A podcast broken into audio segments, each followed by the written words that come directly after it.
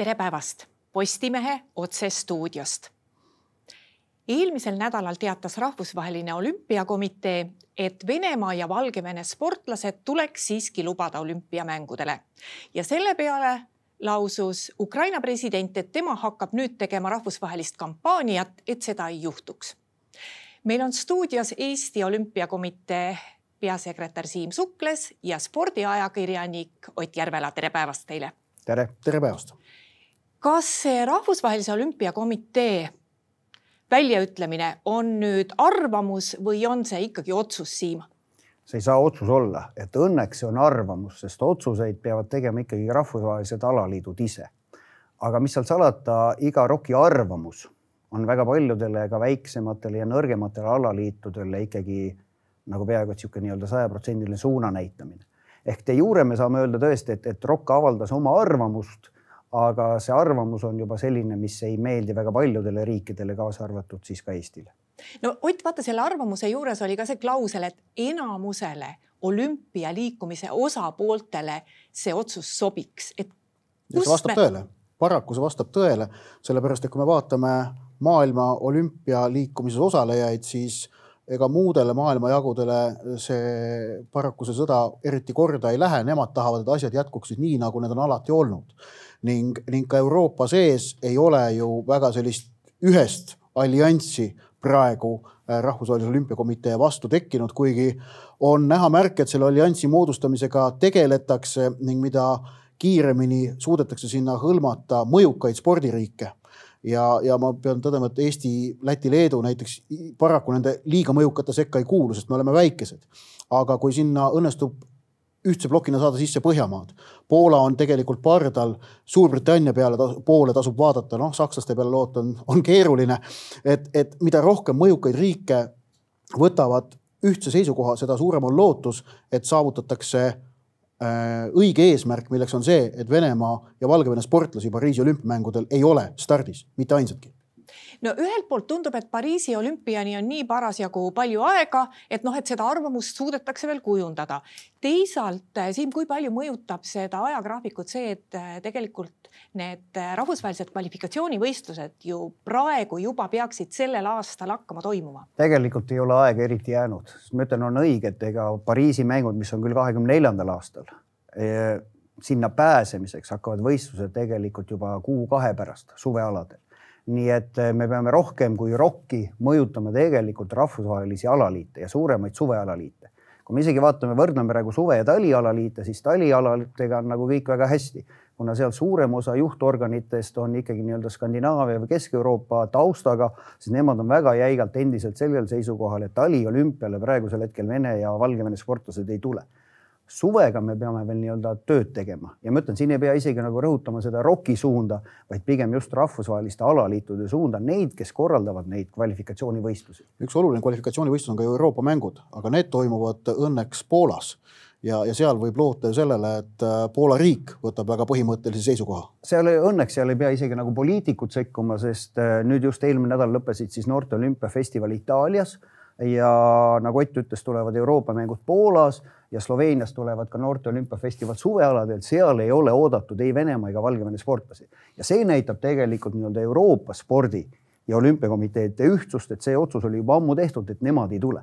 Mille peale siis tegelikult ju nii-öelda venelased mängivad selle peale, et nad võiksid minna olümpiamängudel läbi Aasia kvalifikatsiooni, sest neile tundub, et Euroopa neid nii-öelda ei taha, mida me ei tahagi, aga ega see Euroopa ei ole ka muidugi nii ühtne kõik need, kes on siin nii-öelda piiri ääres, me oleme ühte meelt, mida kaugemale sa sõjakoldest lähed, seda pehmemaks tegelikult see arusaam ka läheb. ja seal on see, see oluline nüanss on ka, et, et just nimelt, kui need Venemaa ja Valgevene sportlased juba sinna kvalifikatsiooniprotsessi sisse lubatakse ja neil õnnestub seal kvalifikatsiooniprotsessi käigus olümpiakoht või mõni kätte saada, siis on Rahvusvahelisel Olümpiakomiteel juba palju keerulisem nendele sportlastele, kes on selle koha kätte võitnud, konkreetselt öelda ei, te, sa, sa ikkagi ei ole oodatud. tõsi, seal on väga selged klauslid, mida ka ROK on praegu öelnud, üks on see, et kui see sportlane ei ole täitnud äh, antidopingu reegleid, mille osas noh, Venemaa sportlastele kehtivad kõrgendatud nõudmised seoses selle riikliku dopinguprogrammiga, mis seal on olnud.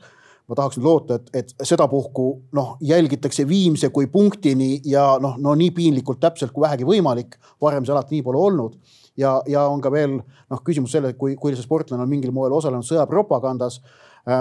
aga noh, selle tõlgendamisel on paraku see mänguruum väga lai. kui palju kogu selles äh, sinnapoole või teisele poole kallutamise protsessis mängib rolli ROK-i presidendi isik? eks ta midagi kindlasti äh, mängib rolli aga teistpidi me peame aru saama, et ROK-i president haldab maailma organisatsiooni, kus on kakssada kuus liiget, viis kontinenti ja kui me ütleme, et isegi ühes kontinendis ehk Euroopas ei ole mitte kõik ühte meelt, siis me kujutame ette tegelikult, mis, mis nii-öelda see, mis pusle tal seal laua peal nagu on.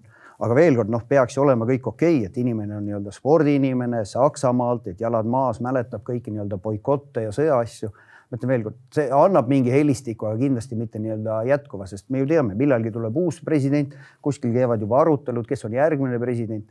et see päris ikkagi selles organisatsioonis kindlasti nii ei ole, et üks inimene ütleb, mõtleb ja kõik teevad samamoodi. no Toomas Bach on nagu Gianni Infantinogi viimaste aastate jooksul suutnud mitmel puhul äh, olukordades, kus oleks võimalik olnud võtta väga selge moraalne positsioon, selle võtmist vältida.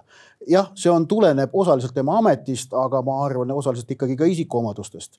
Äh, ning, ning noh, eelmine aasta, kui ma peatoimetasin Pekingi olümpiamängude raamatut, ma takkajärjel olen vägagi rahul või noh, eriti rahul, et ma sinna sisse panin suurelt foto, kus äh, Bach ja Putin kätt suruvad vot nüüd tuleme selle protsessi kõige kurvema ja kõige keerulisema osa juurde, ehk siis mis võimalused on neil riikidel, kes ei ole otsusega nõus, oletame, et tõesti Venemaa ja Valgevene sportlased tulevad olümpiamängudele. ja need, kes sellega nõus ei ole, nendele jääb variant boikottida, mis on sportlaste suhtes siiski ääretult ebaõiglane. siin on nii-öelda paar asja, esiteks seda otsust ei tee riik ja siin me peame nagu hästi selgelt joone tõmbama.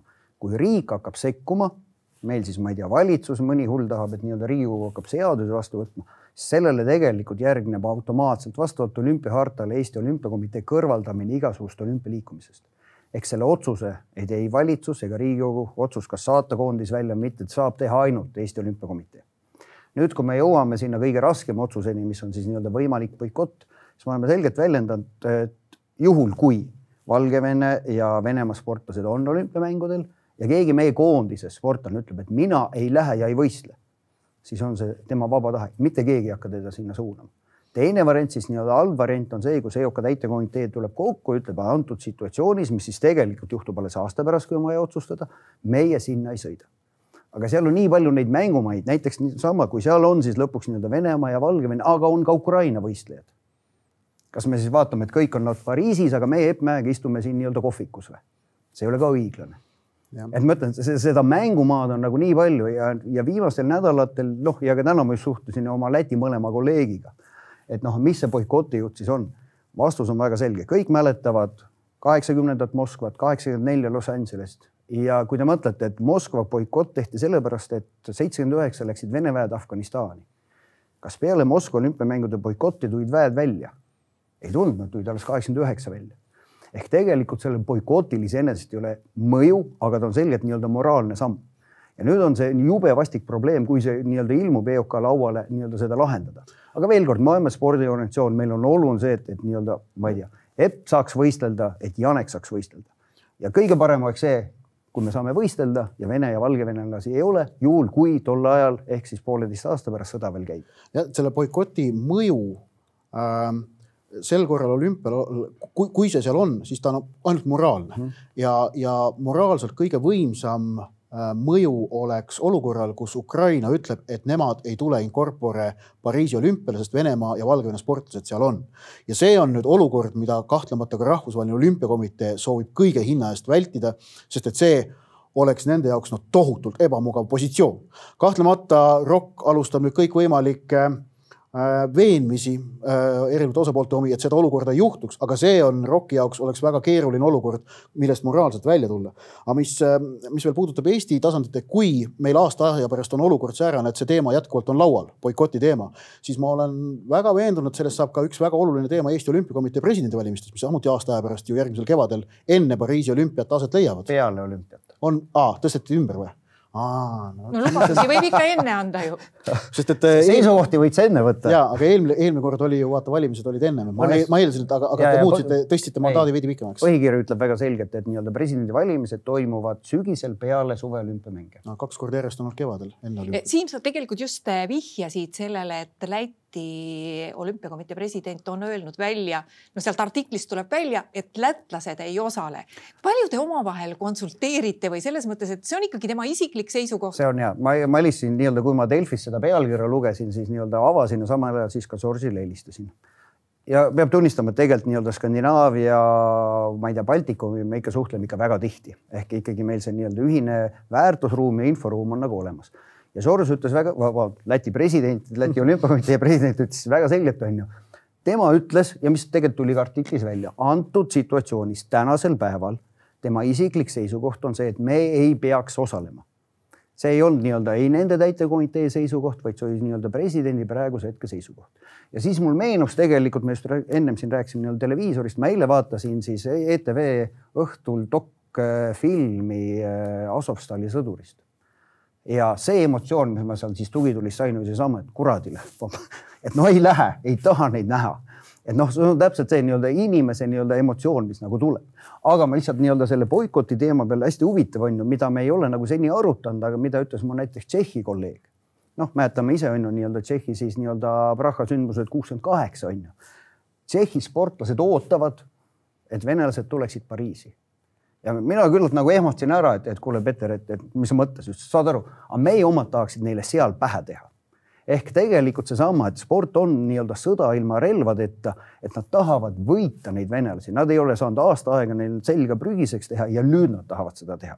ja see, et aasta aega ei ole midagi olnud, on tegelikult seesama teema, mida Ott korra vihjas, mis puudutab nüüd dopingu teemat.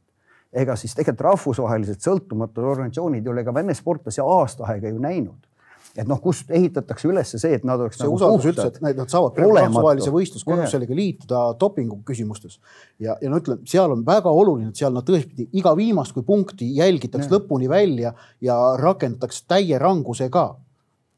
Eh, ma tuleks korra selle eh, neutraalsel positsioonil võistlemise kohta, mida te sellest arvate, sest ütleme niimoodi, et enne Barcelonat ju sellist asja ei olnud, see tuli meil minu mäletamist mööda esimest korda siis, kui oli Balkani sõda ja kui Rotsu, Rot, Rokk otsustas, et äh, mõnede riikide sportlased, kus riigid on küll pandud ÜRO sanktsioonide alla, aga et neid lubatakse neutraalsena võistelda. olümpialipal on tegelikult ikka varem ka võisteldud, isegi Tallinna olümpiaregatil ju osad riigid Osa,, kes osalesid Moskva olümpial oma lipuga olid Tallinnas olümpialipu all, sest et tegemist oli okupeeritud äh, territooriumil peetud olümpiavõistlustega. ma nüüd peast ei ütle, mis riigid need olid. siin, siin on äh, jah, siin on veel tegelikult ka kaasajal nii-öelda Eesti ajal on olnud ühel olümpiamängul, nagu ma ütlesin, riigi sekkumisel oli siis tegelikult India, kus India valitsus nii-öelda sekkus India olümpiakomitee presidendi valimisse, siis ROK võttis ära olümpiamängude ajal õiguse kasutada India lippu ja nemad esinesid olümpialipuga et see oli täpselt see nii-öelda see sekkumine. Venemaast rääkides, siis noh, tegelikult äh, noh, Venemaa on kolm olümpiat järjest võistelnud olümpialipu all. Äh, kaks tuhat kaheksateist PyeongChangis, kaks tuhat kakskümmend üks Tokyos, kaks tuhat kakskümmend kaks Pekingis ja noh, tegelikku sisulist mõju äh, sellel ju olnud ei ole, sest kõik on kogu aeg aru saanud ja kõik teavad, et need on venelased. ja noh, minu jaoks kõige selline plassim juhtum oli see, kuidas kaks tuhat kaheksateist PyeongChangi taliolümpial jäähokivõistlustel tribüünil neid kajastades kuidas Rahvusvahelise Jäähokiliidu ametnikud omavahel rääkides ütlesid, et mis nalja me teeme selle OAR-iga, Olympic Athletes from Russia. kõik ju teavad, et nad on Venemaa, ütleme nende kohta Venemaa ja see oli siis äh, keskeurooplastest äh, Rahvusvahelise Jäähokiliidu ametnikud seda ütlesid. Ehk et noh, tegelikku sisulist mõju sellel sammul olnud ei ole. See on ikka nagu, nagu tegelikult selline poliitmängimine, see on umbes sama rumal nagu, et võtame neljalt Vene oligarhilt jahi ära ja äkki sõda lõpeb. et no see on tegelikult nii-öelda nagu primitiivne. Sest lõpuks on ju õige, venelane jääb venelaseks, valgevenelane jääb valgevenelaks, ükstapuha, mis särk tal seljas on või mis Rahmaninovi mängitakse, kui ta võidab. see ei mängi tegelikult nagu mingit rolli, see on minu arust niisugune pea liiva alla peitmine kuidas te kujutate nüüd ette, et äh, mis lähiajal, ühesõnaga, et mis seisukohti siin lähiajal veel võiksid te, võiks tekkida, mis seda protsessi äh, võiksid mõjutada, sest nagu te mõlemad ütlesite, kõige parem variant on see, kui ikkagi võetakse otsus vastu, et ei ole ei jamamist ei venelaste, ei valgevenelaste, ei mingite neutraalsete lippudega ega kusagil mujal. sõltumata sellest, kas sõda on selleks ajaks lõppenud või mitte. no seal vist tekib ka see ajaline küsimus, et kui sõda just homme ei lõpe, vaid äh, lõpeb, äh, lõpeb, ütleme näiteks järgmise aasta jaanuarikuus, siis äh, kvalifikatsioonivõistlused peaksid olema juba tehtud. no osadel on, osadel mitte, ütleme, et kuskil kolmkümmend protsenti on võimalik veel kakskümmend neli teha, ma ei tea, sõudmises Lutserni regatt maikuus, niisugused nii-öelda tipid-täpid on. aga see, kui sa küsid, et mida saaks teha, nagu ma ütlesin, piisab sellest, kui Rahvusvahelise Kergejõustikuliidu president Sebastian Coe jääb oma seisukoha juurde, mida ta on kogu aeg öelnud aasta jooksul. venelased Pariisi ei tule ja piisab sellest, kui üks nii-öelda suuremaid suvealaliite ütleb, et ei tule. kui sinna juurde veel panna siis näiteks, ma ei tea, ujumine, võimlemine, võrkpall ja korvpall, piisab no, viiest suurest liidust.